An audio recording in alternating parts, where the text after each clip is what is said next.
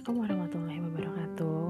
Bertemu lagi dengan saya Novi Yulianti dalam bahasan uh, yang tetap masih sama dengan sebelumnya yaitu tentang psikologi pernikahan.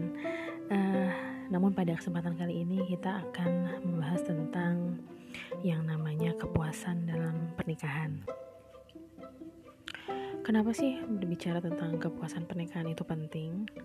Ya, ini betul-betul sangat penting untuk kita bahas karena ada kalanya uh, seseorang atau pasangan suami istri itu merasa tidak pernah puas terhadap apa yang sudah dijalaninya. Meskipun mungkin di usia pernikahan yang sudah lebih dari lima tahun, 10 tahun, bahkan 20 tahun, masih banyak orang yang merasa bahwa Kenapa kehidupan rumah tangga saya masih hambar? Kenapa kehidupan rumah tangga saya tidak seindah apa yang saya inginkan? Dan hal-hal tersebut berkaitan dengan kepuasan dalam pernikahan.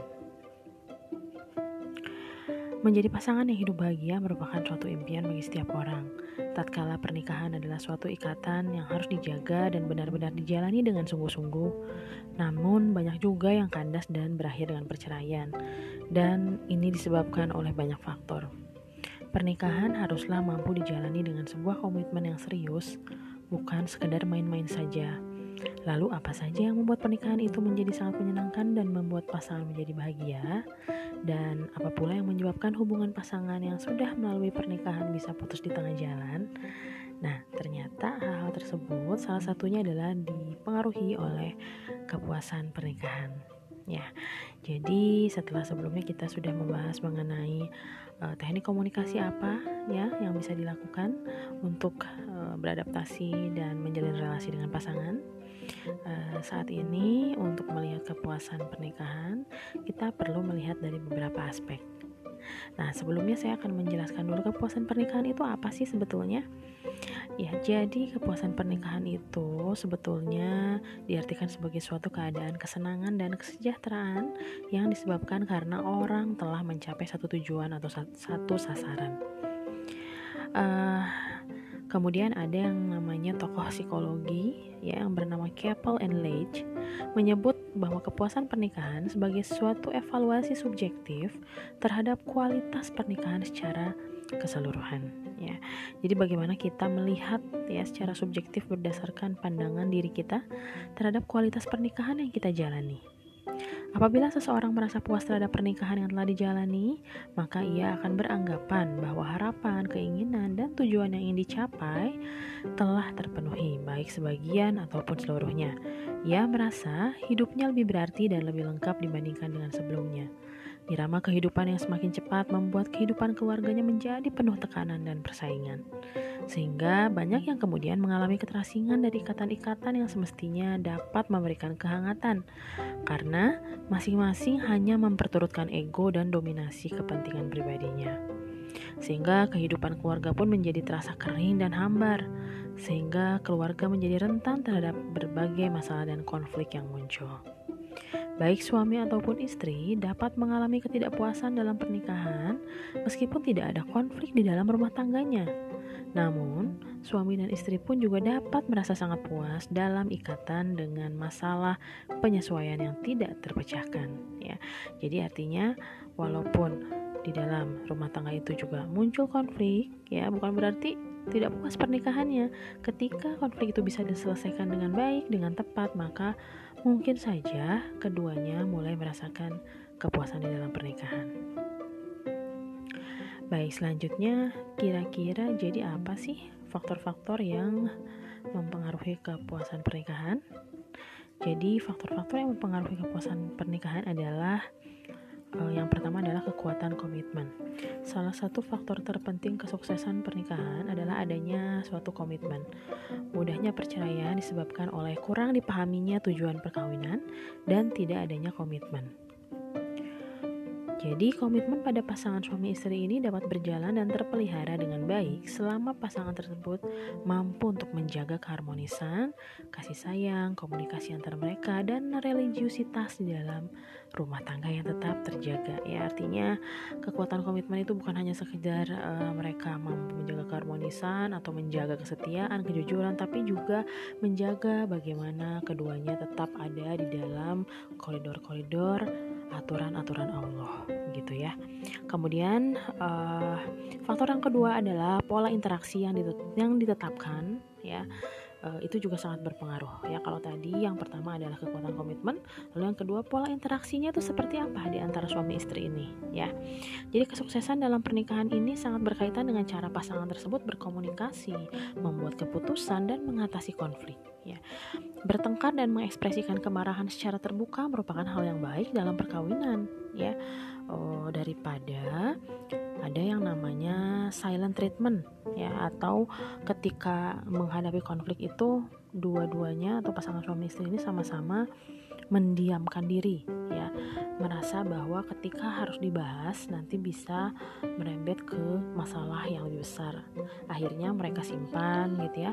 Kemudian nanti setelah mereka diam-diaman nanti baikan lagi. Tapi nanti beberapa saat kemudian mereka konflik lagi berantem lagi diem lagi baikan lagi gitu ya. Tanpa uh, apa namanya tanpa solusi yang tepat dan tanpa memecahkan akar masalah uh, yang sebetulnya terjadi gitu.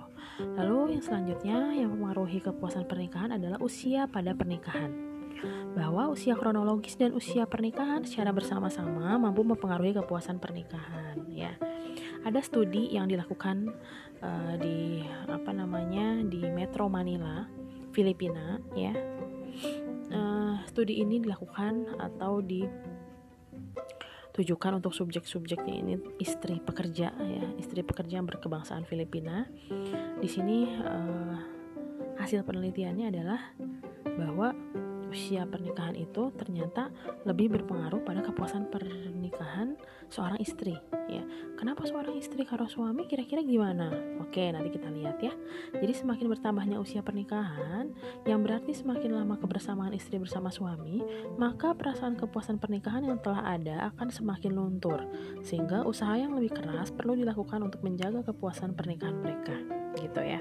Tapi uh, yang saya lihat di beberapa penelitian Indonesia itu um, berimbang ya. Jadi antara suami dan istri itu kepuasan pernikahannya hampir sama. Dan betul ternyata usia masing-masing ya usia dari masing-masing suami dan istri dan usia pernikahan itu sangat berpengaruh ya. Seperti itu. Kemudian hmm, faktor yang berpengaruh terhadap uh, kepuasan pernikahan juga adalah masalah ekonomi ya. Jadi kemampuan atau ketangguhan dalam menghadapi kesulitan ekonomi itu juga salah satu uh, indikator kepuasan pernikahan. Salah satu faktor keberlangsungan dan kebahagiaan sebuah pernikahan sangat dipengaruhi oleh kehidupan ekonomi finansialnya. Kebutuhan-kebutuhan hidup akan dapat tercukupi dengan baik bila pasangan suami istri memiliki sumber finansial yang memadai. Walaupun tidak harus keduanya bekerja, misalnya salah satunya, tapi tetap ya harus adanya keterbukaan sehingga ketika uh, dihadapkan pada masalah-masalah kebutuhan yang berkaitan dengan ekonomi ini bisa saling terbuka dan uh, bisa menyelesaikan jika di tengah jalan itu terdapat hambatan-hambatan yang berhubungan dengan ekonomi. Kemudian uh, tadi spiritualitas atau agama ini juga sangat berpengaruh ya. Tentu saja seperti itu gitu ya. Makin tinggi religiusitas seseorang, makin tinggi pula kepuasan pernikahannya. Seseorang yang bertindak atas dasar keyakinan akan perintah-perintah Allah, tunduk terhadap apa yang di uh, apa disyariatkan oleh Allah dan menjauhi larangannya ini sangat berpengaruh terhadap kepuasan pernikahan kedua belah pihak. Ketika rumah tangga ini diterpa berbagai cobaan dalam kehidupan, salah satu dalam uh, apa? Salah satu hal yang bisa menguatkan dari pasangan suami istri ini adalah ketika mereka percaya bahwa apa yang diberikan padanya adalah sesuai dengan kemampuannya. Ya, artinya uh, kemampuan mereka untuk memahami memahami uh, religiusitas bukan hanya sekadar ritual saja, bukan hanya sekadar rajin sholat, rajin mengaji, rajin mengikuti kajian, kemudian uh, melaksanakan seluruh syariat, bukan hanya sekadar ritual saja, tetapi prinsip-prinsip hidup ya, prinsip-prinsip nilai yang diterapkan uh, di antara satu sama lain itu juga sangat berpengaruh terhadap kepuasan pernikahan ya. Kemudian dukungan emosional Kegagalan dalam perkawinan adalah uh, kemungkinan terjadi karena ketidakcocokan secara emosional dan tidak adanya dukungan emosional dari lingkungan. Kesulitan ekonomi dapat memberikan tekanan emosional pada pernikahan. Dalam sebuah studi selama 4 tahun terhadap 400 pasangan suami istri, ya, mereka yang paling ulet bertahan ketika menghadapi tekanan ekonomi adalah mereka yang menunjukkan dukungan mutual, mendengarkan perhatian yang lain, mencoba membantu, sensitif terhadap sudut pandang pasangan dan menunjukkan penerimaan terhadap kualitas yang lain. Jadi eh, ini contoh ya, contoh yang diambil dari hmm, studi pasangan suami istri ketika dihadapkan terhadap dihadapkan dengan permasalahan ekonomi ya. Bagaimana mereka menyelesaikannya? Ada dukungan tidak satu sama lain gitu ya.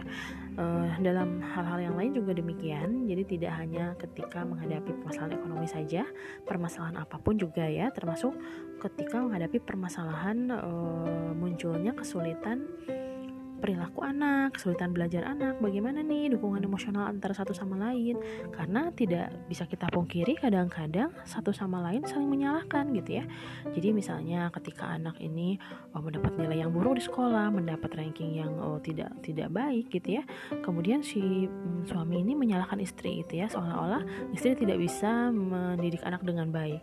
Dan kemudian si istri ini juga balik untuk menuduh suami kenapa dia sebagai ayah tidak pernah ikut campur atau tidak pernah ikut terlibat di dalam mendidik anak terutama dalam belajar ya dan akhirnya ini bisa saling tuding gitu ya sehingga tidak ada dukungan emosional yang terjadi padahal diharapkan ketika menghadapi berbagai hambatan yang mungkin terjadi dukungan emosional satu sama lain itu penting sekali untuk dimunculkan.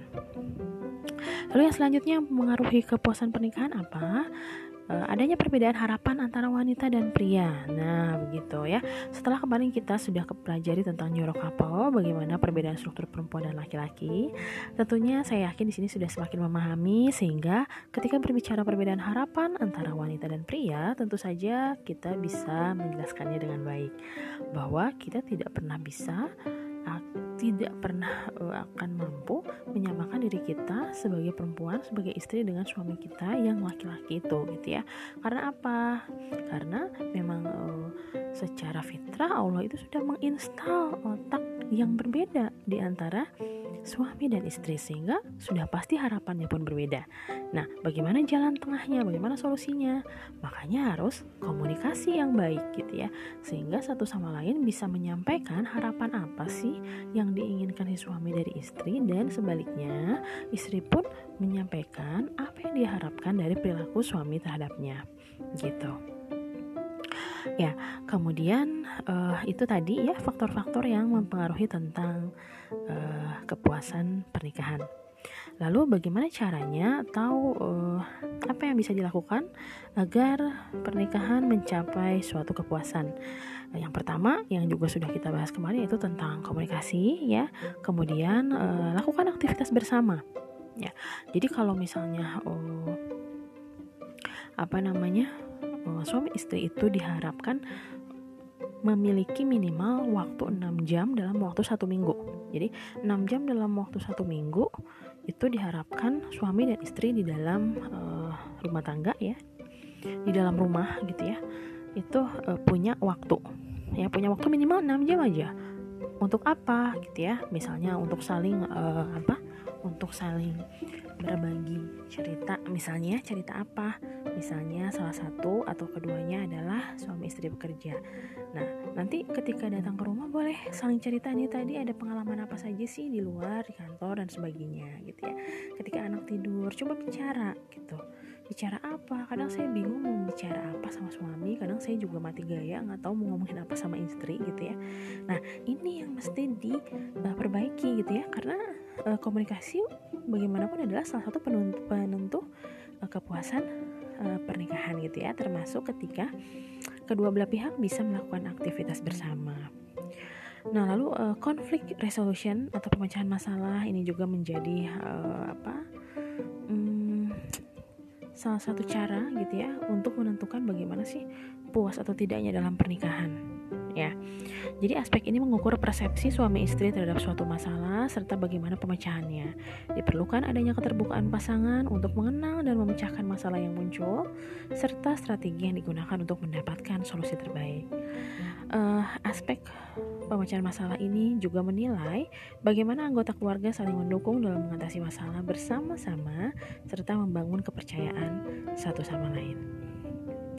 Nah, lalu selanjutnya adalah uh, ada tiga hal lagi um, yang menentukan kepuasan pernikahan, ya, yaitu tentang um, hubungan dengan keluarga dan teman, kemudian uh, bagaimana orientasi seksual di antara keduanya, dan bagaimana anak-anak serta cara pengasuhan yang diterapkan kedua belah pihak di dalam uh, keluarga, gitu ya, itu juga sangat berpengaruh. Uh, yang pertama dulu ya, misalnya uh, aspek keluarga dan teman. Aspek ini menunjukkan perasaan dan uh, apa? perasaan yang dalam yang berhubungan dengan anggota keluarga dan keluarga dari pasangan serta teman-teman serta menunjukkan harapan untuk mendapatkan kenyamanan dalam menghabiskan waktu bersama keluarga dan teman-teman ya. Jadi bukan berarti pasangan suami istri yang merasa puas dalam pernikahannya ini 24 jam dalam tujuh hari dalam satu bulan dalam 365 hari itu harus selalu bersama-sama. Bukan seperti itu karena masing-masing diharapkan juga masih punya uh, support system dari uh, apa teman dan keluarganya gitu ya. Jadi tidak boleh juga kita mengekang mereka tidak boleh juga kita mengekang suami atau istri kita untuk selalu bersama kita. Karena walau bagaimanapun setiap orang itu punya kebutuhan untuk bersosialisasi ya. Bersosialisasi dengan siapa? Tidak hanya dengan teman tapi dengan keluarga gitu Kemudian masalah eh, anak-anak dan pengasuhan ini juga ya bisa menjadi salah satu indikator kepuasan pernikahan.